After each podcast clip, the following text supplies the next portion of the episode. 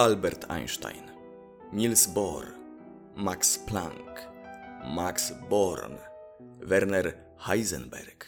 Tak, to ten, od którego Walter White wziął swój pseudonim. Czy Erwin Schrödinger. To tylko niektórzy z 29 uczonych, którzy znajdują się na słynnej fotografii wykonanej w październiku 1927 roku w brukselskim parku Leopolda. Zdjęcie to, na pewno Wam znane, w opisie odcinka. Możecie teraz na nie spojrzeć, jeśli macie taką możliwość. Te tęgie umysły brały wtedy udział w konferencji, które niejednokrotnie organizował belgijski chemik Ernest Solvay. 17 z 29 uczonych widniejących na tej fotografii zostało laureatami Nagrody Nobla, co jednocześnie daje nam świadectwo ich ogromnego wkładu w świat, w którym żyjemy. Rzadko kiedy na jednej fotografii można zobaczyć tyle nieprawdopodobnych osobistości. Nawet jeśli nie do końca wszystkich znamy i nie zdajemy sobie sprawy z ich osiągnięć, nie potrafimy ich zdefiniować, przytoczyć czy zrozumieć, to możemy mieć pewność, że gdyby nie ci ludzie, to chodzilibyśmy dzisiaj po tym świecie jak dzieci we mgle, nie zdając sobie sprawy z tego, jakimi prawami ten świat się rządzi. Dali podwalinę pod przyszłość. Należy im się za to ogromny szacunek, bez wątpienia. W fotografii tej jest jeszcze coś wyjątkowego, a raczej ktoś. Nawet postronni ludzie, których nie interesują kulisy tego zdjęcia i nie znają tych ludzi, zwrócą uwagę na jedyną kobietę na nim. Być może zainteresują się wtedy, kim ona jest lub co musiała osiągnąć. My wiemy, że to Polka. Maria Skłodowska-Curie, fizyk, chemik i podwójna noblistka. Jedna z tylko czterech osób w historii, które to dokonały. Więc nieprawdopodobnie mądra i twarda kobieta, o której powiemy w 20 odcinku podcastu o wiele mówiącej nazwie Ludzie, którzy zmienili świat. Nazywam się Wiktor Hoffman i zdecydowanie nie powiedziałbym, że oznaczam się ścisłym umysłem, ale bardzo lubię historię.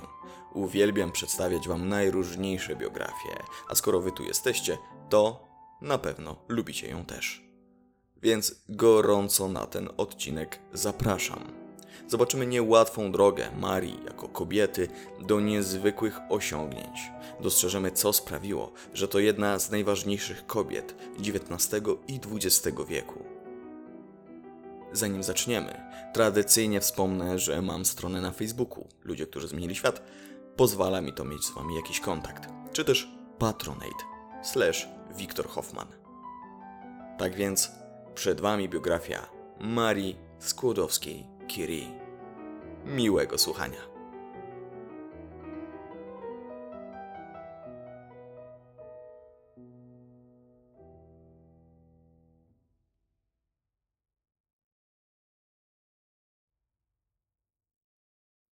Na wstępie chciałbym powołać się na wiadomość, którą jakiś czas temu napisał do mnie jeden ze słuchaczy tego podcastu, Patryk, który chciał, bym zrobił rzetelny, godny odcinek o Marii Skłodowskiej-Curie, więc mam nadzieję, że taki będzie. Pozdrawiam Cię, Patryku, serdecznie. Od razu po przesłuchaniu napisz do mnie, jak Ci się podobało. Zwrócił on uwagę na fajną rzecz, żebyśmy lepiej poznali rodzinę Skłodowskich. I od tego też zaczniemy. Nie będziemy mówić o każdym z osobna bardzo szczegółowo, ale niewątpliwie troszkę czasu poświęcić im musimy, bo rodzina to była niezwykła. Może delikatnie więcej powiemy o siostrze Marii, Bronisławie, ale to już troszeczkę później. Ród Skłodowskich, wywodzący się ze szlachty, wiele lat przed narodzinami Marii odgrywał niemałą rolę i cieszył się sporą popularnością na Mazowszu. Z czasem jednak osłabł. W naszej historii niebagatelne znaczenie ma dziadek Marii od strony ojca, Józef Skłodowski, bo według źródeł to właśnie on wprowadził, że tak powiem, modę na inteligencję, wpajając swoim dzieciom zamiłowanie do wiedzy. Interesował się zwłaszcza naukami przyrodniczymi. Przez lata był nauczycielem, czy nawet dyrektorem szkół w Siedlcach i Lublinie. W którejś z tych szkół nauczał nawet samego Aleksandra Głowackiego, czyli Bolesława Prusa, więc większy czy mniejszy wpływ na słynnego pisarza mógł mieć. Walczył też w powstaniu listopadowym, po którym dostał się do niewoli, z której udało mu się jakimś cudem zbiec. Jego zamiłowanie do nauki i nauczania odgrywa w naszej historii niemałą rolę, więc myślę, że to pierwsza postać, o jakiej musieliśmy wspomnieć. Jego przykład i rady wykorzystywał jego syn i ojciec Marii, Władysław. Ten poszedł w jego ślady. Wybrał karierę pedagogiczną, studiował w Sankt Petersburgu i tam zgłębiał wiedzę z dziedzin fizyki czy matematyki. Po powrocie do kraju udał się do Warszawy, gdzie był nauczycielem, tłumaczem czy publicystą i tam też poznał niezwykle inteligentną i urodziwą Bronisławę Boguską, która była w tamtym czasie dyrektorką prywatnej szkoły dla dziewcząt, które nie mogły liczyć na równe traktowanie w tamtych czasach. Kobiety nie mogły rozwijać się zawodowo w sposób, w który rozwijali się mężczyźni. Niektóre drzwi były po prostu dla nich zamknięte. Często ich rola była sprowadzana tylko do zajmowania się domem i dziećmi. Polityka, kariera zawodowa, edukacja w tamtym czasie to był świat mężczyzn. W małżeństwie było przyjęte, by żony były w pełni podporządkowane swoim mężom. Na przykład przez wiele lat bez zgody męża nie mogły występować przed sądem.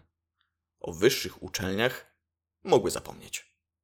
Jeszcze w latach 90. XIX wieku w zaborze austriackim kobiety nie miały co liczyć na możliwość zdania matury, co też dalszą drogę edukacji na wielu płaszczyznach, nawet w innych krajach im zamykało. Wysoko postawieni, renomowani mężczyźni, politycy, naukowcy często nie wyobrażali sobie, jak to w ogóle możliwe, żeby kobieta była na przykład dobrym lekarzem albo profesorem. Przecież to się nie godzi. Role w społeczeństwie były przypisane do płci. Kobiety mogły zajmować się sprawami przypisanymi do mężczyzn dopiero, gdy ci szli na wojnę. Nierzadko na niej ginęli. Dzielne panie musiały przejąć ich obowiązki związane z domem czy sprawami zawodowymi, a do tego często wychowywały jeszcze dzieci. Wtedy niektórzy zaczęli drapać się po głowie i mówić: Te dziewczyny naprawdę dają radę, co mogło przyspieszyć równość społeczną.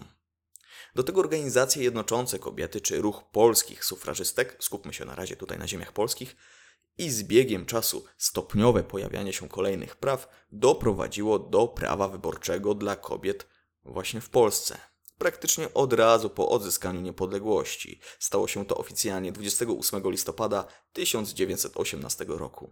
Nie chcę za bardzo odbiegać od tematu rodziny Marii, ale w dużym skrócie powiedziałem o tym, by przekazać, że to naprawdę godne podziwu, że chociażby taka matka Marii, Bronisława, była w stanie mniej więcej w połowie XIX wieku prowadzić szkołę dla dziewcząt, przy tym samodzielnie zarabiając, spełniając się zawodowo, a później pomagając jeszcze finansowo swojemu mężowi. Prawdopodobnie zarabiała nawet więcej niż on przełamywanie barier w tamtym czasie czy walka o prawa dla kobiet pokazywały ich spore ambicje, a do tego nie można odbierać im prawa. W ramach szacunku dla kobiet, które w tych nieprzyjemnych czasach dokonywały wielkich rzeczy i wyrastały wysoko w męskim świecie, na wstępie mogliście usłyszeć utwór jednej z pierwszych kompozytorek i pianistek w Europie, Polki Marii Szymanowskiej. Myślę, że przyjemnie i radośnie wprowadziła Was w klimat opowieści, która nie zawsze będzie radosna. Władysław i Bronisława pobrali się w 1860 roku.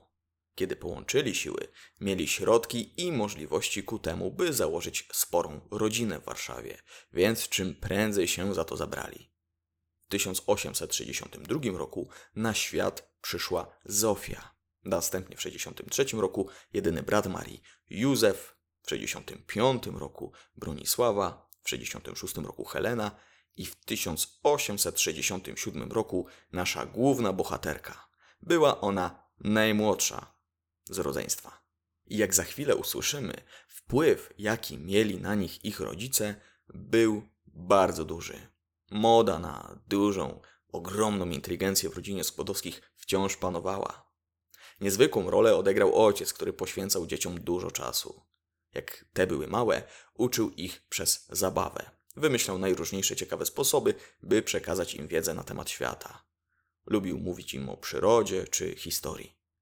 Zasiał w dzieciach ziarenko ciekawości świata. Nierzadko tacy ojcowie, którzy wiele wymagają od swoich dzieci i pokładają w nich duże nadzieje, są przedstawiani jako despoci osoby szorstkie, wyzbyte z uczuć, które programują swoje dzieci od najmłodszych lat, by te za wszelką cenę odniosły sukces, by być może opłacało im się to w przyszłości. Ale tak w przypadku Władysława nie było. W pewnym momencie, o tym sobie jeszcze powiemy, zachęcił swoją córkę Marię do wakacji i odpoczynku. Nie wywierał presji, nie oczekiwał sukcesu za wszelką cenę. Trzymał dyscyplinę, ale dawał im dużo miłości. Był dobrym, inteligentnym człowiekiem. Poznajmy dzieci państwa skłodowskich. Na początku Zofia. Urodzona w 1862 roku, możliwe, że w 61, ale nie ma to większego znaczenia. Jej brat w swoim pamiętniku wspominał o niej. Była bardzo inteligentna, zdolna i pracowita. Mimo długiej przerwy w nauce, a to z powodu wyjazdu z matką na jej leczenie na południe, zdała bez opóźnienia egzamin wstępny do gimnazjum rządowego. Godzinami opowiadała nam fantastyczne historie, których słuchaliśmy z natężoną uwagą. Układała też dla nas powiastki i komedyjki, znajdując w tych poczynaniach upust nie tylko dla przyrodzonych zdolności, lecz i dla uczuć opiekuńczych w stosunku do młodszego rodzeństwa. Zofia, zwana też Małgosią, była niezwykle złotą, troskliwą dziewczyną. Dzielnie opiekowała się matką, gdy ta zachorowała, jeżdżąc z nią po Europie. Niestety jednak Zofia nie mogła rozwinąć swych skrzydeł i talentów. Możliwe, że byłaby dzisiaj znana jako wspaniała pisarka. W wieku 14 lat zmarła na tyfus. To była rodzinna tragedia. Ale nie jedyna w tamtym czasie, do tego później przejdziemy. Józef, jedyny syn Władysława i Bronisławy, również od najmłodszych lat, zapowiadał się bardzo dobrze. Ze świetnymi wynikami w nauce dostał się na Uniwersytet Warszawski. Tam otrzymał tytuł lekarza, następnie pracując w różnych renomowanych placówkach. Wysoki, postawny Józef lekarzem był genialnym, niezwykle popularnym. Był późniejszym prezesem Warszawskiego Towarzystwa Lekarskiego. Zasiadał również w zarządzie Związku Lekarzy Państwa Polskiego. Osobiście opracowywał rewolucyjne metody leczenia, np. nerek czy płuc. Interesował się również literaturą.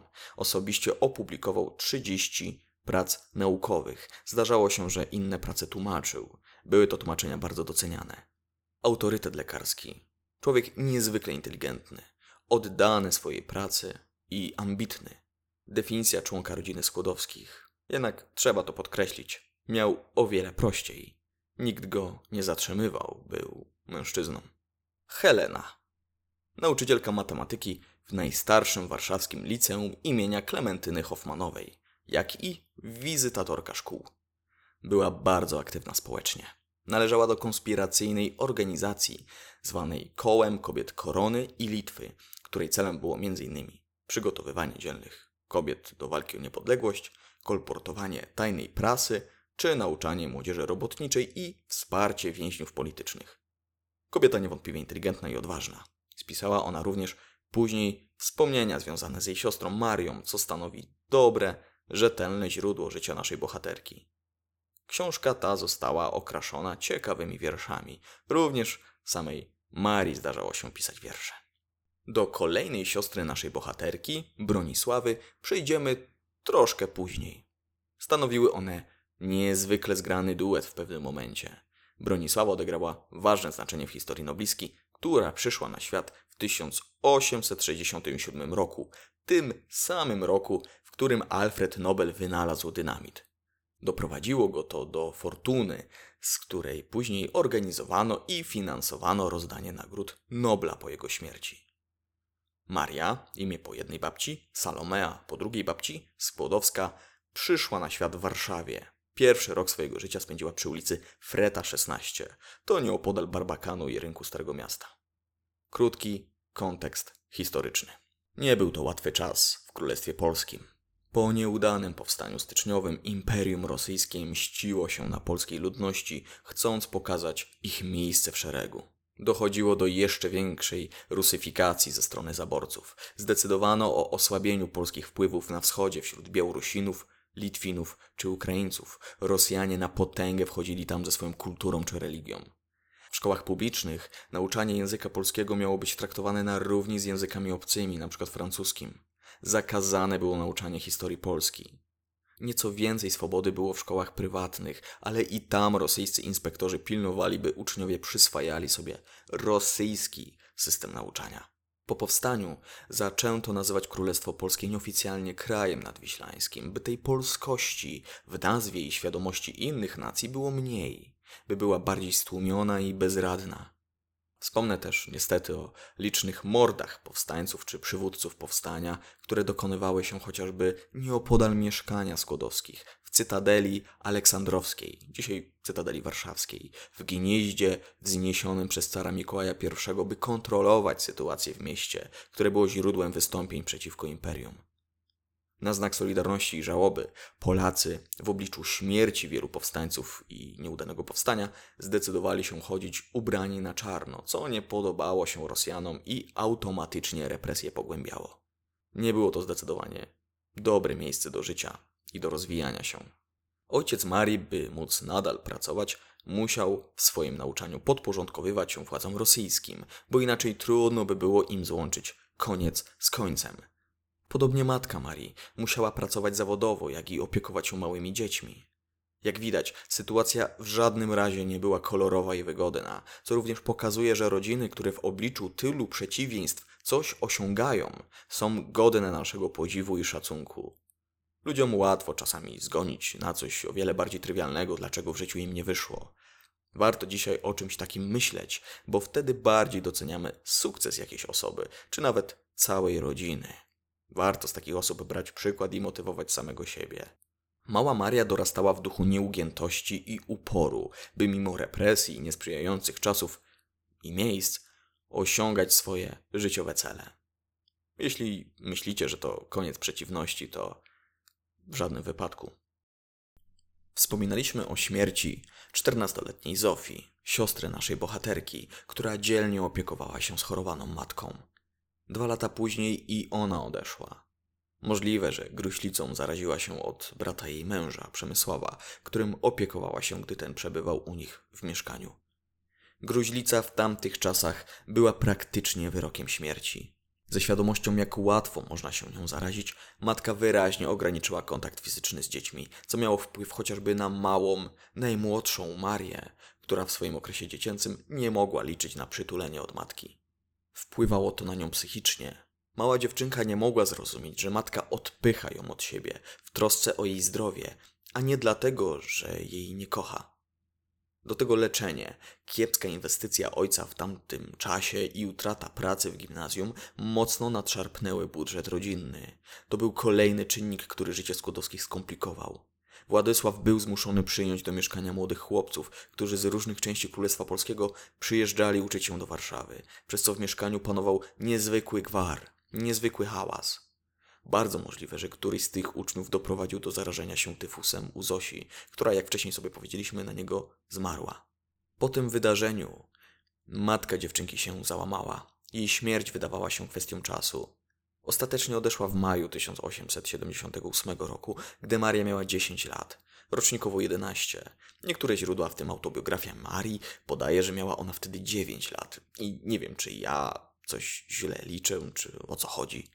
Może czasami myli się śmierć Bronisławy z Zofią. Wtedy Maria mogła mieć 9 lat, kiedy Zofia umierała. No, nieistotne jest to jakoś bardzo. Była niezwykle młodziutka, a jej umysł musiał to wszystko chłonąć. Było to dla niej niewątpliwie trudne dzieciństwo w cieniu problemów finansowych rodziny, złych czasów Królestwa Polskiego, braku spokoju i niestety śmierci siostry i matki. Świat był z jej perspektywy straszny. Nieistotne, czy między czterema ścianami mieszkania, w którym żyła, czy poza nim. Wszystko dookoła niej generowało smutne, przygnębiające myśli, które podcinały jej skrzydła. Maria mogła po tym załamać się psychicznie już na zawsze. Wydawało się, że była skazana na porażkę. Gdyby rzeczywiście się załamała, moglibyśmy nigdy nie poznać Marii takiej, jaką ją znamy dzisiaj. Świat straciłby bardzo dużo. I na początku wyraźnie było widać, że nasza bohaterka to odczuła. Popadła w depresję. W domu chowała się po kątach, nie chciała często z nikim rozmawiać, przestała wierzyć w Boga, do którego tak żarliwie się modliła, o to, by wyleczył jej matkę, która była przecież bardzo religijna. Potrafiła całymi dniami bardzo mało jeść. Te stany będą do niej powracać, nawet w czasie, gdy będzie dorosła. Ulgę jedynie przynosiło jej coś bardzo ważnego w kontekście naszej opowieści. Zaczytywanie się w licznych książkach i podręcznikach. Zapominała wtedy o mrocznym świecie, który ją otaczał. I dobrze, bo to byłoby niezwykle smutne, by ta dziewczyna po śmierci matki się nie rozwijała. Zapowiadała się od najmłodszych lat na niezwykle inteligentną dziewczynę, kobietę. Gdy miała 4 lata, potrafiła już płynnie czytać. Uczyła się również, jak można się domyślać, bardzo dobrze. Miała świetne wyniki w nauce. Miała świetną pamięć. Jak coś przeczytała lub usłyszała, błyskawicznie zapisywało się jej to w głowie.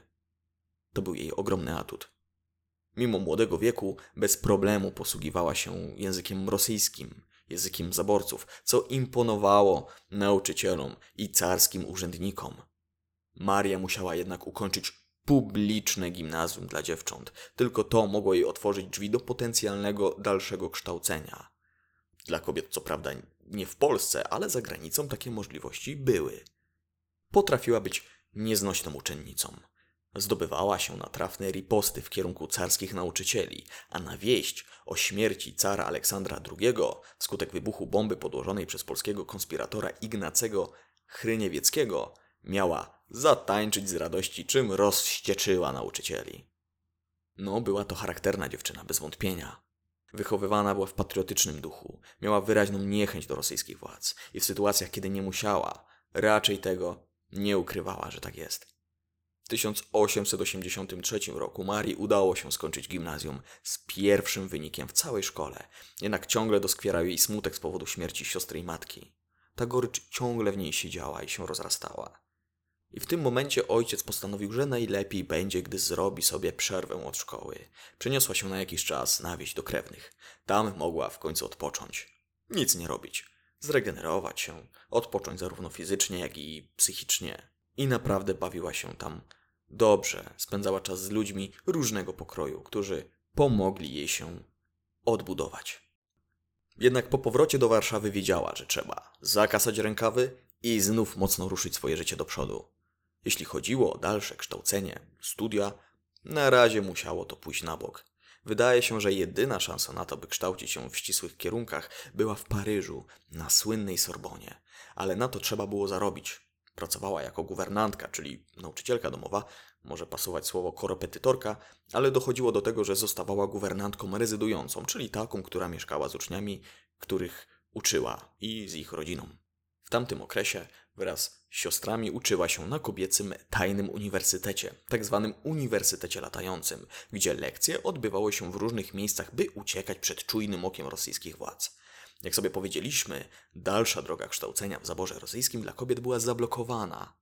Wykładowcami często byli mężczyźni, którzy wspierali równouprawnienie kobiet. Jednak jak można się domyślić, dyplom ukończenia takiego tajnego uniwersytetu nie miał większego znaczenia dla dalszego kształcenia, więc zazwyczaj zaspokajał on tylko głód wiedzy i ambicje dzielnych kobiet, które chciały odznaczać się wiedzą, która zdawała się być dla nich zakazana. Dziewczęta na uniwersytecie latającym delikatnie zaspokoiły swój głód wiedzy, ale wiedziały, że jeśli chcą czegoś więcej, muszą czym prędzej wyjechać z nierównego kraju pod zaburami, których władze blokowały możliwość rozwoju i dalszego kształcenia. Siostry Skłodowskie, Bronisława i Maria w żadnym razie nie wyobrażały sobie całej swojej egzystencji, swojego życia u boku mężczyzny, który pracuje, gdy one w tym czasie miałyby zajmować się domem. Maria marzyła o tym, by studiować i z dala od tego nierównego świata Królestwa Polskiego. Marzyła o poświęceniu się matematyce i fizyce, o której miała już spore pojęcie. Bronisława wiedziała, że chce zostać lekarzem. Od jakiegoś czasu odkładała małe sumki na wyjazd z kraju, jednak liczyła się ze sporymi kosztami utrzymania za granicą. Zachodziła wtedy w głowę, skąd wziąć na to pieniądze. Studia medyczne trwały pięć lat, a ona uzbierała kwotę co najwyżej wystarczającą jej na jeden rok nauki. Co ciekawe, z pomocą przyszła jej młodsza siostra Maria. Nasza bohaterka powiedziała, że w czasie, w którym Bronia będzie studiować na Sorbonie, ta jako guwernantka będzie dla niej odkładać jakąś sporą część swojej wypłaty, wspierając ją finansowo. Bronisława powiedziała, że kiedy tylko będzie mogła mieć możliwość odwdzięczenia się Marii, przykład w momencie, gdy będzie miała wystarczające środki we Francji lub skończy już studia, to to zrobi. Taką siostry zawarły ze sobą umowę. Plan ten wymyśliła nasza, jak widać, ofiarna bohaterka. Tak więc Bronisława mogła zacząć wymarzone studia i w 1885 roku przeniosła się do Francji. Jak potoczyło się później jej życie? To ten moment, w którym należy coś powiedzieć o starszej siostrze Marii. W 1890 roku wyszła za polskiego socjalistę Kazimierza Dłuskiego, który możliwe, że uczestniczył w przygotowaniu zamachu na cara Aleksandra II, o czym wspomniałem przed chwilą. Przynajmniej były takie podejrzenia. Przebywali oni we Francji jakoś do schyłku XIX i XX wieku. Bronisława najbardziej interesowała się ginekologią i położnictwem. Z mężem mieszkali sobie dość skromnie, na obrzeżach Paryża, ale ich drzwi dla polskich emigrantów zawsze były otwarte. I nie lada osobistości się u nich pojawiały. Ignacy Jan Paderewski, który został notabene ojcem chrzestnym ich córki, Ignacy Mościcki, późniejszy prezydent Rzeczypospolitej, Józef Piłsudski miał bardzo dobre relacje z jej mężem, Stanisław Wojciechowski, również późniejszy prezydent, czy Henryk Sienkiewicz. W każdym razie te znajomości Bronia i jej mąż mieli, mieli ich dość sporo. Jeszcze we Francji otworzyła własny gabinet ginekologiczny, przez to myślę, że można ją nazwać pierwszą polską ginekolog. Na pewno jedną z pierwszych. Francuzi też chyba mieli to do siebie, że z grymasem na twarzy patrzyli na kobiety, które kształcą się na lekarzy, ale Bronisławy to nie demotywowało. Po powrocie do Polski wraz z mężem osiedlili się na południu. W Kościelisku otworzyli sanatorium dla chorych na gruźlicę, chorobę, która zabrała jej matkę. Dzisiaj w tym samym budynku znajduje się ośrodek wypoczynkowy, dom wczasowy, który wygląda naprawdę imponująco i wciąż tętni życiem. W finansowaniu budowy tego kompleksu pomagała już sama Maria, czy podobno Henryk Sienkiewicz. Z pomocą samej Marii miejsce to było naprawdę nieźle wyposażone i doinwestowane. Na opiekę mogli liczyć tam polscy socjaliści, czy już nieco później żołnierze legionów polskich. W ogóle Bronisława wraz z mężem podczas wojny pomagali Piłsudskiemu w organizowaniu legionów. Jeszcze przed I wojną światową Bronisława i jej mąż wraz ze Stanisławem Witkiewiczem, Witkacym i architektem Franciszkiem Mączyńskim wzięli się za budowę nowego gmachu Muzeum Tatrzańskiego, które funkcjonuje po dziś dzień. Tak więc postać Bronisławy jest bardzo zasłużona dla Zakopanego. Wspierała również ośrodki z osieroconymi dziećmi, czy należała do Ligi Kobiet Polskich, odwołującej się do siły, znaczenia i praw kobiet. Odegrała niebagatelną rolę w powstaniu Instytutu Radowego, do którego przejdziemy, a jej rola w tym jest mocno pomijana.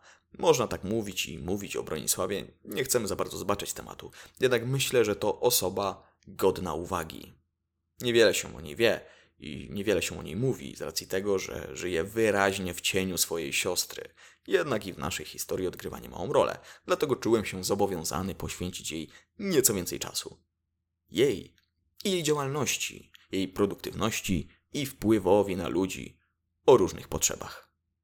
Wróćmy do Marii. W momencie, kiedy Bronisława przebywała już we Francji, Maria trafiła do wsi Szczuki, do rodziny Żurawskich, jako guwernantka rezydująca. Rodzina Żurawskich mieszkała w urokliwym dworku, który dzisiaj jest opuszczony, ale jeszcze stoi. Można to zobaczyć na Google Maps. Pan domu administrował majątkiem rodziny Czartoryskich i nadzorował produkcję cukru. To właśnie tam, biedna guwernantka zakochała się po raz pierwszy w rok starszym synu państwa żurawskich, studencie matematyki Kazimierzu. On odwzajemnił uczucie. Łączyła ich ogromna ilość wspólnych zainteresowań. Oboje byli inteligentni i zgrani, szybko się zaręczyli. Podzielili ich niestety rodzice matematyka, którzy nie zgodzili się na ślub. Wyglądało to mniej więcej tak. Niepoważny jesteś? Przecież to jakaś dziewczyna z niskich sfer, bez grosza przy duszy. Do tego jeszcze zwykła guwernantka. Co ona takiego w życiu może osiągnąć? Nie było szans na to, by za siebie wyszli. Nie mieli na to przyzwolenia. Różnice społeczne między nimi były dla rodziców matematyka zbyt wyraźne, więc pierwsza miłość Marii nie skończyła się happy endem. I może pojawić się taka troszkę mała satysfakcja w nas, kiedy wyobrazimy sobie ich miny, gdy nagle okazuje się, że Maria odbiera pierwszą Nagrodę Nobla za swoje osiągnięcia, przy okazji odbierając niemałą sumę pieniędzy. Po tej sytuacji stosunek rodziców Kazimierza do Marii się zmienił. Byli w stosunku do niej oschli i niemili. Zdarzało się, że przez Żurawskich była upokarzana. Zaczęło to na nią wpływać psychicznie. Czuła się naprawdę źle. Jednak nasza bohaterka wiedziała, że nie może tak po prostu zrezygnować z pracy. Sukces Bronisławy we Francji po części zależał właśnie od niej. Przecież sporą część wypłaty, jakąś połowę wypłaty, przekazywała Bronisławie. Z drugiej strony dobrze, że do tego związku nie doszło, bo Maria prawdopodobnie zostałaby z młodym matematykiem w Królestwie Polskim, nie kształciłaby się dalej. Po jakimś czasie wróciła do Warszawy i wciąż pracowała jako guwernantka, dzięki swojemu kuzynowi w laboratorium w Muzeum Przemysłu i Rolnictwa. W tym czasie jej siostra poznała wspomnianego socjalistę Kazimierza Dłuskiego i zaczęła z nim planować życie. W liście przekonywała Marię, by ta w końcu mogła z ich pomocą przeprowadzić się do Francji i zacząć studiować. Mogłaby mieszkać przez jakiś czas z nimi. Ta jednak w tym czasie była załamana, zrezygnowana. Mogłoby się wydawać, że porzuciła marzenia. Miała wyraźny kryzys. Gdyby się temu poddała i gdyby nie miał kto jej wtedy motywować, to powtórzę to jeszcze raz. Nie poznalibyśmy nigdy Marii. Jednak chciała spełniać swoje marzenia. W 1891 roku zdecydowała się na samotną podróż do Francji. Tam z pomocą czekali na nią jej siostra i szwagier. Na początku mieszkała właśnie u nich. Po paru miesiącach zaczęła studia na kierunkach fizyka i matematyka, tak jak sobie wymarzyła. Wcześniej w Warszawie uczyła się francuskiego, ale i tak na samym początku dużo trudności sprawiało jej zrozumienie wykładów. Dlatego nie tylko musiała uczyć się przedmiotów, na które się wybrała, ale też języka, w którym były one wykładane. We Francji poznała również angielski. Trzeba powiedzieć, że nasza bohaterka nie dogadywała się z Kazimierzem i Bronisławą pod jednym dachem jakoś super. Ci mieli często gości, co oczywiście nie sprzyjało nauce. Po niedługim czasie Maria zdecydowała się przeprowadzić do skromnego mieszkanka niedaleko uniwersytetu, gdzie mogła chodzić pieszo. Jak można się domyślać, nie mogła liczyć na dużo środków finansowych. Miała bardzo skromne życie. Niewielkimi sumami wspierał ją ojciec. Udało jej się otrzymać stypendium od niejakiej Jadwigi Godleckiej, absolwentki Uniwersytetu Latającego dla Kobiet, która starała się o środki dla ponadprzeciętnych polskich studentek, które uczyły się za granicą. Potem z racji świetnych wyników mogła liczyć już na stypendium samej paryskiej uczelni. A jakie miała wyniki? Po dwóch latach, gdy zdobyła licencjat z fizyki, ukończyła go z pierwszą lokatą na uczelni. Była najlepsza, Rok później, w przypadku licencjatu z matematyki, była druga. Aż chce się powiedzieć tylko. Nie no, oczywiście to był fantastyczny wynik. Była genialna. Pokazała, jak nieprawdopodobnie inteligentna jest, a zaczynała w gorszym miejscu niż wielu innych studentów, bo dla przykładu nie znała tak dobrze języka. To było totalnie inne otoczenie dla niej. Totalnie nowe. Krzywo też patrzono na kobiety studentki, mimo że mogły legalnie studiować, to nie wspierano ich tak jak mężczyzn. To w nich pokładano nadzieję. W XIX wieku praktycznie na całym świecie można było spotkać się z poglądem, że nauka ma płeć męską. A tutaj proszę bardzo, Maria deklasowała wszystkich na nie swojej ziemi. Trzeba było jednak dalej się rozwinąć, by zaistnieć jeszcze bardziej. Taki umysł nie mógł się zmarnować. Do swoich prac i pomysłów potrzebowała jednak wystarczająco dużego i wyposażonego laboratorium. Pracowała wtedy nad zagadnieniem magnetyzmu metali. Podczas poszukiwań odpowiedniego pomieszczenia natrafiła na niejakiego Piera Curie. Pierre był już znanym, zasłużonym fizykiem. Wcześniej z bratem podczas badań nad wpływem tzw. Tak naprężeń mechanicznych odkryli zjawisko piezoelektryczności. Nieco później, już samodzielnie, opublikował pracę na temat symetrii w fizyce. Oczywiście nie będziemy za bardzo tego rozwijać, zakłóciłoby to tempo tego odcinka. Skupmy się bardziej na historii, a nie na definicjach. Może co nieco powiemy o znaczeniu odkrycia radu czy polonu. Pierre albo Piotr spolszczmy jego imię, uważał, że kobiety z natury odwodzą mężczyzn od kariery naukowej. Uważał, że gdyby chciał się poświęcić jakiemuś dziełu, to kobieta, z którą by się związał, tylko by go hamowała. W końcu trzeba było, by poświęcać jej czas, liczyć się z nią i również z jej planami. Zdaje się, że w grę wchodziło tylko to, by jego potencjalna partnerka, o ile taka istniała, pracowała z nim, by łączyła ich wspólna pasja, wspólne cele i miejsce pracy. Wtedy oboje mogliby się napędzać i przy okazji spędzać razem czas. Potencjalny współmarzonek musiał być też godnym, równie inteligentnym współpracownikiem, ale z perspektywy niezwykle pracowitego Piotra w męskim świecie nauki na próżno było szukać takiej kompanki do pracy. No, pomyślmy, jakie były na to szanse. Przecież mało która kobieta studiowała. A tutaj poznaje genialną Polkę z najlepszymi notami na Sorbonie. Chcąc, nie chcąc, aż nie wypada bliżej jej nie poznać, nie wypada nie zagadać. W swojej autobiografii Maria napisała: Wyraził chęć zobaczenia się ze mną znowu i porozmawiania dalej o sprawach naukowych i społecznych, na które zdawał się mieć podobne do moich poglądy. I jak doskonale wiemy, skończyło się to małżeństwem, zawartym 26 lipca 1895 roku. Ceremonia i wygląd pary młodej były bardzo skromne. Od tego momentu Maria tym samym dostała obywatelstwo francuskie, co dawało jej więcej swobody, chociażby w podróżowaniu po Europie.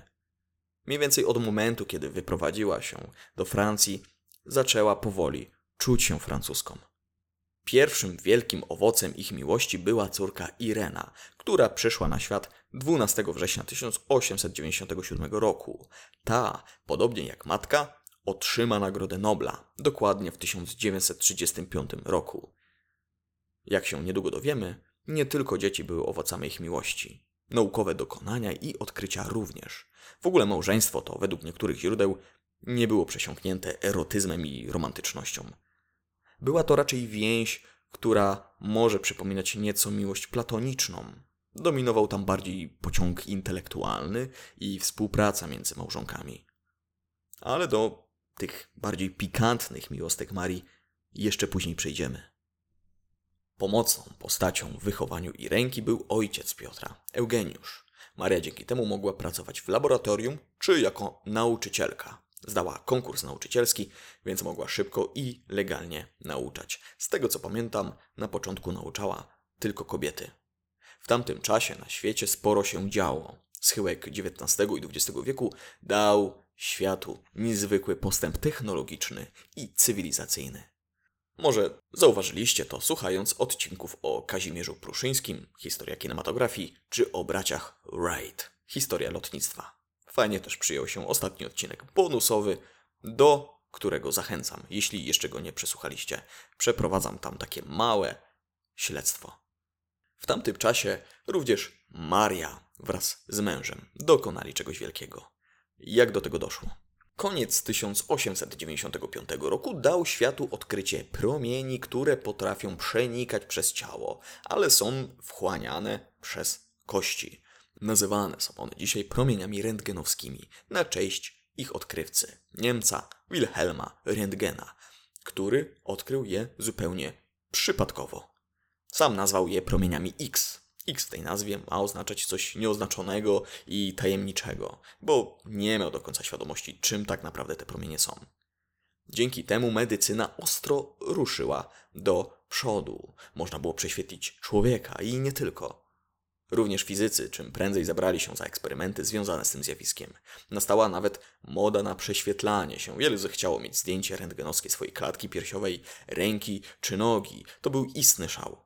Nikt jednak nie zdawał sobie jeszcze sprawy z tego, że promieniowanie to może być dla człowieka czymś szkodliwym. Rentgen starał się na każdym kroku komunikować, że potrzeba czasu, by poznać więcej właściwości promieni X. Za eksperymenty zdeterminowane odkryciem rentgena wziął się francuski fizyk Henri Becquerel. Ten odkrył, że takie minerały jak uran są w stanie wysyłać, emitować promieniowanie i na przykład zabarwić światło czułą kliszę w praktycznie całkowicie ciemnym pomieszczeniu. Tajemnicza sprawa.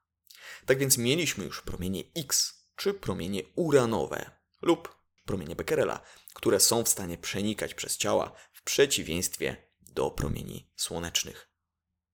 Być może tłumaczę to mocno łopatologicznie. Zaznaczam, że fizyka to nie jest moja pasja, co pewnie miłośnicy dziedzin ścisłych mogą mi zaznaczyć po odsłuchaniu tego materiału. Jednocześnie mam świadomość, jak niezwykle fascynująca to nauka. Staram się ją przekazać jak najbardziej zrozumiale. Staram się o tych rzeczach mówić dlatego, by przedstawić przydatność i znaczenie późniejszych odkryć Marii Skłodowskiej-Curie. W tym celu powołuje się na wykład profesora fizyki Andrzeja Kajetana Wróblewskiego. Jego wykład możemy znaleźć nawet na Spotify w podcaście wszechnicy.org.pl. Jest to czwarty odcinek. Jeśli chcecie dowiedzieć się więcej, gorąco zapraszam. No więc mieliśmy promienie X i promienie uranowe. Francuz próbował później publikować różne teorie na temat tego zjawiska, ale wiele z tych teorii było niepotwierdzonych i czas pokazał, że fałszywych, jak na przykład to, że promienie te ulegają załamaniu, jak w przypadku światła. Ten błędny pogląd na początku się mocno przyjął, niemało mieszając. Państwo Curie bardzo zainteresowali się tym promieniowaniem. Maria postanowiła poświęcić temu swój doktorat. Nasza bohaterka zdecydowała się badać, czy poza uranem jest jeszcze coś innego, co emituje takie promieniowanie. Bardzo pomocny okazał się tak zwany elektrometr, skonstruowany wcześniej przez braci Curie przy badaniach na temat zjawiska piezoelektryczności, o czym wspominałem. Becquerel używał kliszy. Państwo Curie zdecydowali się właśnie na elektrometr, przyrząd do pomiarów elektrycznych. I tak próbowała i próbowała dojść do jakichś wniosków, korzystając z różnych minerałów. Doszła do tego, że promieniuje chociażby też pierwiastek tor. Co niezwykle ciekawe, ważne i ekscytujące w naszej historii, odkryła, że na przykład halkolit i blenda smolista, czyli rudy uranu, czy też tlenek uranu, potrafią promieniować bardziej niż czysty uran. Inaczej mówiąc, pewne minerały zawierające uran musiały zawierać w niewielkiej ilości substancję znacznie silniej promieniotwórczą niż on sam. W kwietniu 1898 roku wydała więc komunikat, że musiał tam być przynajmniej jeden silnie promieniotwórczy i jeszcze nieznany pierwiastek. Dlatego nieznany, ponieważ wszystkie były już zbadane, tak się mogło wtedy wydawać. Później stwierdzili, że minerały te mogą zawierać dwa takie pierwiastki. No i właśnie, w lipcu tego samego roku ogłosili odkrycie pierwiastka na cześć ojczystego kraju autorki tego sukcesu Polonu. Rosjanie próbowali zatrzeć, wymazać nazwę Polska tam, gdzie się to tylko da. Chcieliby używano innych nazw, na przykład kraj nadwiślański, a tu Maria ogłosiła światu, że nowy pierwiastek będzie się nazywał na cześć kraju jej serca, za którym wówczas wielu tęskniło. Udało się odkryć nowy pierwiastek. Po kolejnych operacjach chemicznych związanych z innymi minerałami udało się odkryć jeszcze inny rad, nazwa pochodząca od radius z łaciny promień. Coś niesamowitego. Jak podają źródła, Maria wraz z mężem doszli do tego w niezbyt dobrze wyposażonym laboratorium. Wciąż nie mogli też liczyć na dobre źródło finansowania ich badań. Czekało ich jeszcze sporo pracy. Musieli jakoś mocniej dowieść, czym te pierwiastki są. Potrzeba było mocniejszej identyfikacji chemicznej. Trzeba było je wydzielić w postaci metalicznej.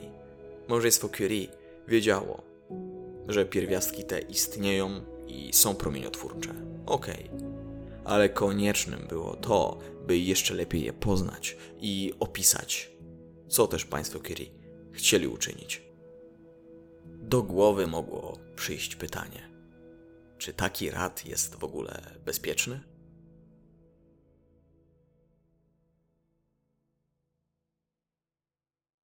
Nie wszystkim to pytanie przechodziło przez głowę. Ludzie czasami nie chcieli o tym myśleć. To było tak ciekawe odkrycie. Dzisiaj wiemy, że narażanie ludzkiego ciała na spore promieniowanie może doprowadzić do utraty zdrowia czy śmierci. Małżeństwo Curie w swoich sprawozdaniach zwracało uwagę na specyfikę tego pierwiastka. Na przykład na to, że sole radu świecą w ciemnościach, oddają dużo ciepła, czy nawet potrafią zabarwić porcelanę czy szkło. Uważano, że pierwiastek ten jest dobrodziejstwem nauki, z którego trzeba było czerpać i korzystać ile wlezie. Nieistotne, że nie znało się go jeszcze zbyt dobrze. Jeju, przecież tak ślicznie świeci. No tak sobie ludzie myśleli. Piotr Curie wierzył, że rad leczy raka. I wiemy dzisiaj, że za pomocą tego pierwiastka, jeśli używa się go w umiejętny, kontrolowany sposób, można na przykład likwidować komórki rakowe czy uśmierzać ból chorego. Dlatego to odkrycie jest tak ważne. Mąż naszej bohaterki sporo eksperymentował z solami tego pierwiastka. Tak opisywał obserwacje, których dokonał. Skóra, która miała bliski kontakt z radem, stała się czerwona na przestrzeni 6 cm2. Wyglądało to jak oparzenie, lecz nie bolało prawie wcale. Skóra rąk przejawia ogólną tendencję do łuszczenia się. Końce palców, którymi trzymaliśmy tubki lub naczynia z silnie aktywnymi produktami, stają się twarde i czasem bardzo bolesne. U jednego z nas stan zapalny końców palców trwał przez dwa tygodnie i zakończył się zupełnym złuszczeniem skóry. Ale bolesność nie ustąpiła całkowicie, jeszcze nawet po upływie dwóch miesięcy. Dla wielu głodnych zysku firm rad ten tajemniczy pierwiastek stanowił nie lada rarytas. Powstawało multum najróżniejszych produktów z radem. Puder, maść, pasta do zębów, płatki pod oczy, krem do ciała, prezerwatywy, które świeciły w ciemnościach, zegarek ze świecącą tarczą, czekolada, cygara, radioaktywny gorset, który zapobiegał chorobom. No praktycznie wszystko. Bez wiedzy o szkodliwości tego pierwiastka jednocześnie z atrakcyjnymi właściwościami, marketingowcy szaleli, wymyślając kolejne to walory produktów, w których ślicznie świecący, magiczny rad się znajduje. Pomagał na wszystko, niezależnie od kategorii produktu, czy to czekolada, czy środek na muchy. Jak był tam rad, to produkt był po prostu lepszy według logiki producentów. Wielu przypłaciło to zdrowiem, czy nawet życiem. Niedługo na mojej stronie na Facebooku napiszę o tym więcej, jeśli chodzi o wykorzystywanie tego pierwiastka w przemyśle i skutkach tego. Małżeństwo Curie paliło się do tego, by przejść do kolejnych badań. Uniwersytet Sorbony dał do ich dyspozycji pomieszczenie po byłym prosektorium, w którym studenci mieli zajęcia z anatomii. Tak naprawdę była to szopa. Tam przenieśli swoje laboratorium. Wciąż eksperymentowali z kilogramami różnych promieniotwórczych materiałów, które zakupowali mimo kiepskiej sytuacji finansowej. Maria i jej mąż wciąż byli narażeni na promieniowanie.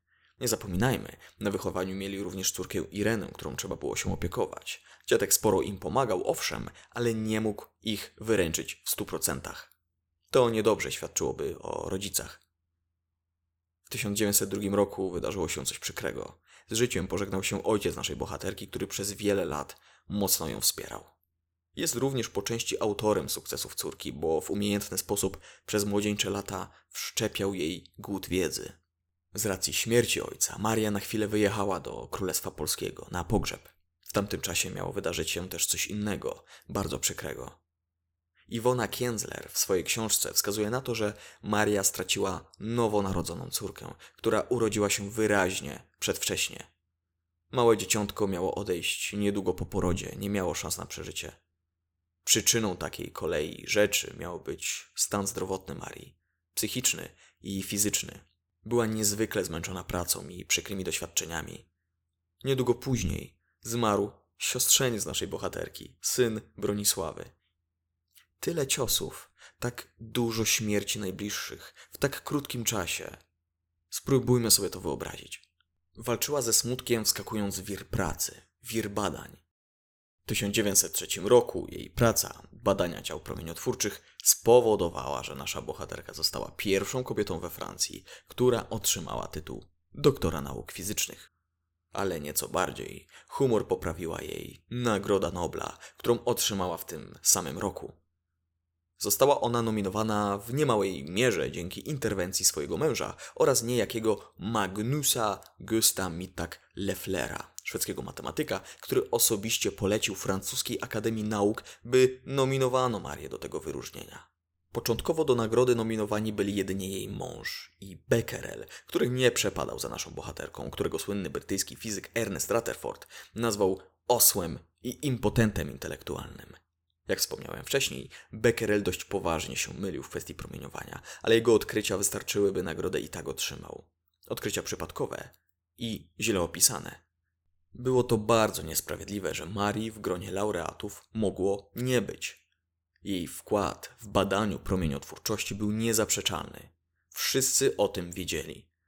Ale kobieta w tamtych czasach po prostu musiała mieć podgórkę. Ostatecznie, w dużej mierze dzięki wspomnianemu przed chwilą szwedzkiemu matematykowi, udało się i małżeństwo Curie i Becquerel wspólnie otrzymali Nobla z dziedziny fizyki za wspólne badania na rzecz promieniotwórczości. Choć wydaje mi się, że to trochę niesprawiedliwe, że Becquerel został zestawiony na równi z naszą bohaterką.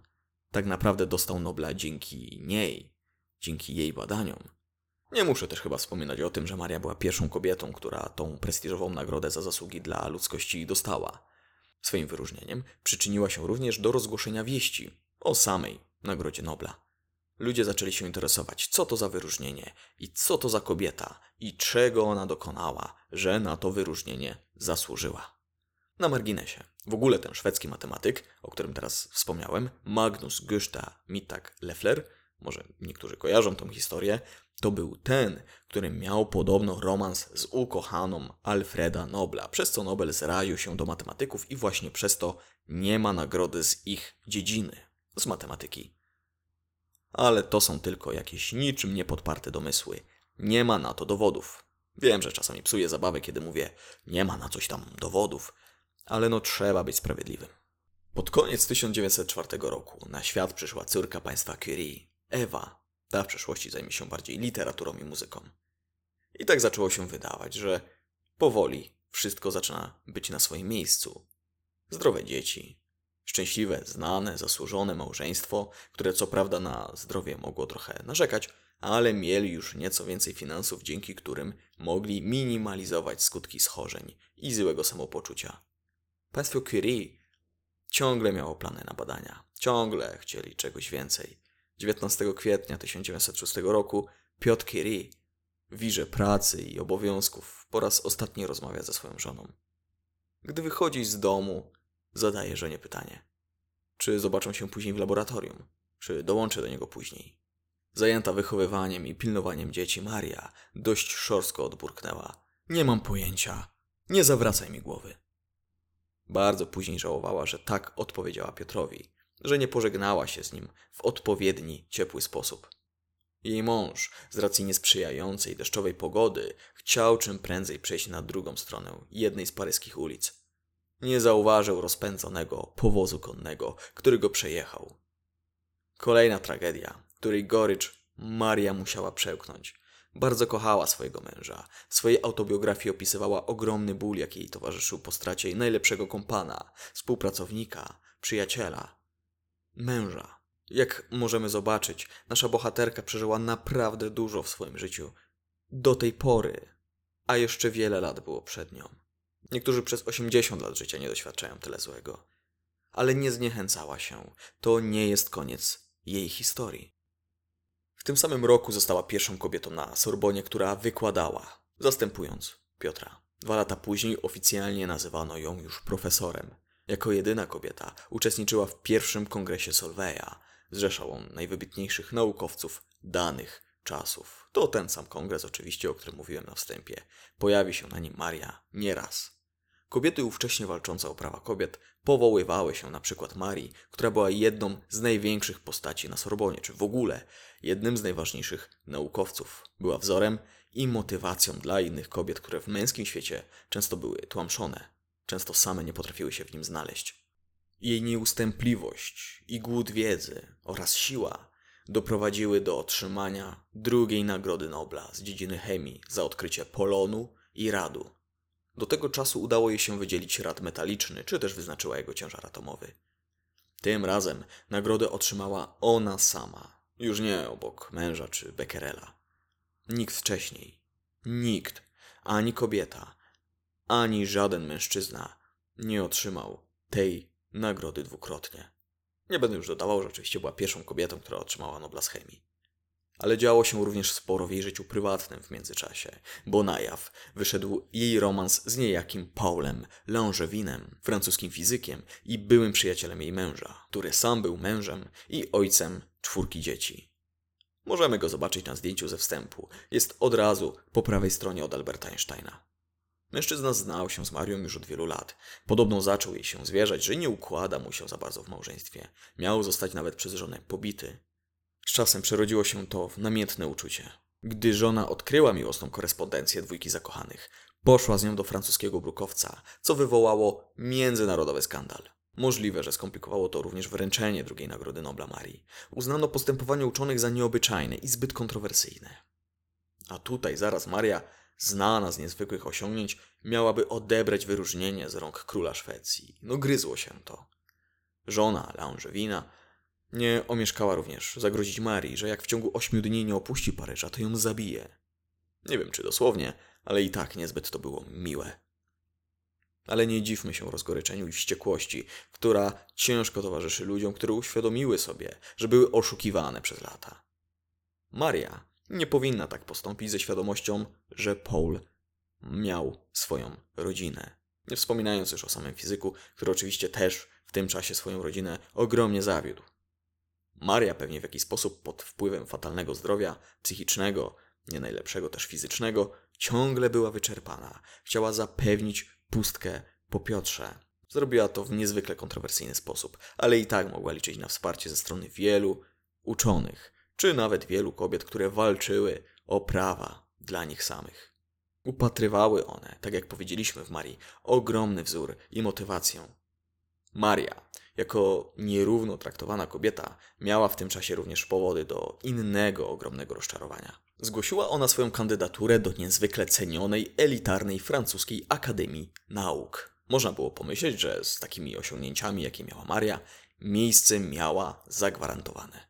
No właśnie nie do końca. Z perspektywy mężczyzn naukowców, którzy już należeli do Akademii, mogłoby być tak im jakoś nie w smak, gdyby dołączyła do nich kobieta i to pewnie jeszcze z większym ilorazem inteligencji i osiągnięciami, dwukrotna do bliska, niż oni. I do tego jeszcze polskiego pochodzenia? Nie ma na mapie nawet czegoś takiego jak Polska. A nikt jeszcze wtedy nie słyszał o Adamie Małyszu, więc nie mógł sobie wyrobić dobrego zdania na temat nadwiślańskiego kraju i ludzi, którzy tam żyją. Prasa śledziła tą sprawę i po decyzji Akademii też wywołało to niemały skandal. Chociaż profesor, na którego się wcześniej powoływałem, Andrzej Kajetan Wróblewski, powiedział, że po prostu przegrała w wyborach w głosowaniu do tej akademii z innym uczonym i nie ma co się dopatrywać w tym większej filozofii. Choć chciałbym zaznaczyć, że to nadal dziwne, że nie głosowano na podwójną noblistkę, tak zasłużoną kobietę dla nauki. Maria w tamtym czasie była na ustach możliwe, że całego świata. Skandal z fizykiem, druga Nagroda Nobla, Akademia Nauk. Oj, działo się w życiu naszej bohaterki, działo się bardzo dużo. To wszystko ciągle mogło wpływać na jej samopoczucie. Niedługo później założyła Instytut Radowy, zrzeszający wiele tęgich umysłów, w których prowadzono najróżniejsze badania z zakresu medycyny, fizyki, chemii, radiologii itd. Do instytutu należała później chociażby jej córka, przyszła noblistka nie spoczywała na laurach podczas I wojny światowej, kiedy to organizowała specjalne samochody nazywane małymi Curie. Były wyposażone w sprzęt rentgenowski i nie tylko. Ciężaróweczki te były zaopatrywane w najróżniejszy sprzęt ważący jakieś 250-300 kg łącznie. Do tego w czasie wojny wyszkoliła około 150 pielęgniarek, które miały pomagać chorym i rannym w tych smutnych czasach. W ciężarówkach podczas wojny potrafiła pokonać setki kilometrów jako kierowca. Możliwe, że była pierwszą w historii kobietą, która prowadziła ciężarówkę. Nie zapominała też, by pilnie chronić radu, który mógłby być wykorzystany przez nieprzyjaciela. Nie zaniedbywała też instytutu, który ciągle organizowała i któremu przewodziła. Jakże była szczęśliwa, gdy dowiedziała się, że kraj, z którego pochodzi, nagle mógł pojawić się na mapie. Po wojnie nadal pracowała w instytucie. Była niezwykle popularnym naukowcem, niezwykle zasłużonym. Ludzie podziwiali ją i darzyli ogromnym szacunkiem. Ta osobiście poznała nawet prezydenta USA, Warrena Hardinga, który wręczył jej zakupiony przez nią wcześniej gram radu, przeznaczony do jej instytutu. Później podobną sytuację miała z prezydentem Hooverem. W Stanach była przywitana z szacunkiem i honorami. Za oceanem też zdawali sobie sprawę z ogromnego intelektu Polki i z tego, jak bardzo jest zasłużona i wyjątkowa. W 1931 roku od Amerykańskiego Stowarzyszenia Radiologii otrzymała złoty medal za jej zasługi w dziedzinie walki z nowotworami. Dzięki tej ceremonii zapisało się jedyne nagranie jej głosu. Miała wtedy już 63 lata.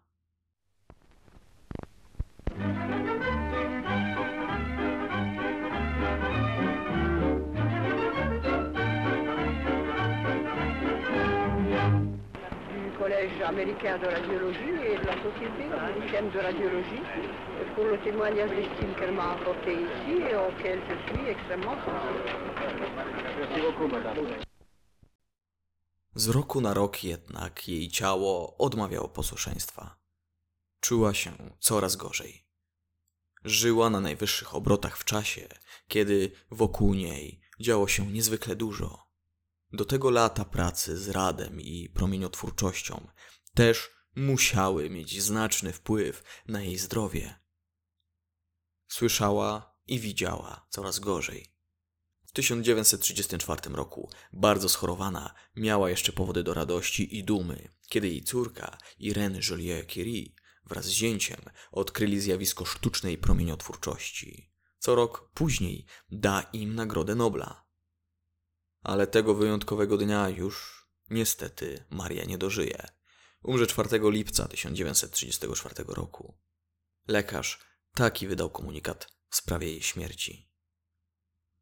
Maria Curie zmarła w Saint-Selmos dnia 4 lipca 1934 roku na skutek anemii złośliwej aplastycznej o przebiegu gwałtownym, gorączkowym.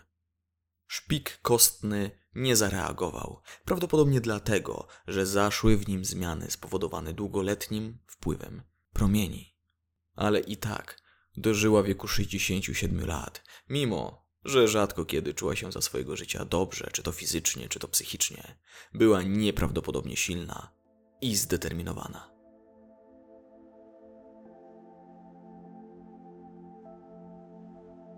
Maria ciągle szła pod wiatr. Nikt jej nie promował, nikt jej nie faworyzował. Z racji jej płci, nikt z władzą nie wznosił ją na piedestały.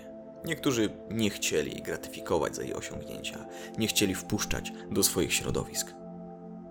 Ale dzięki swojej sile osiągnęła i tak niesamowicie dużo. Wkład i pomoc Piotra Curie, jej męża, były zauważalne, ale nie kluczowe. Według źródeł to Maria była mózgiem większości badań. Jej mąż nawet nie za bardzo znał się na chemii. To naprawdę miłe mówić o Marii i jej dokonaniach w ówczesnym, męskim świecie.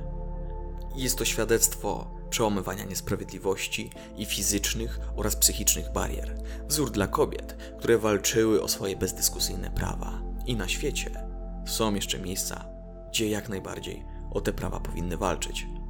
Czymś niezwykłym jest to, że Maria nie wydawała się narzekać, że żyje w świecie, w którym nie chce żyć, gdzie jako kobieta jest praktycznie skazana na porażkę. Dostała tak sporo kłód pod swoje nogi od życia. Nieraz była załamana, urodziła się w niesprzyjającym miejscu, doskwierał jej ból fizyczny, psychiczny, uczestniczyła w głośnych skandalach, przeżyła wojnę światową, widziała dużo śmierci swoich najbliższych. Ale ostatecznie i tak mobilizowała się i robiła swoje, nie zważając na problemy. Pasja i nauka ją pochłaniały, leczyły, choć na chwilkę. Wielu poddałoby się na samym początku, rezygnując ze swoich marzeń i celów. Ale nie ona. Nie uważała, że coś jej się należy. Nie chciała niczego za darmo. Nie wymagała niczego od nikogo.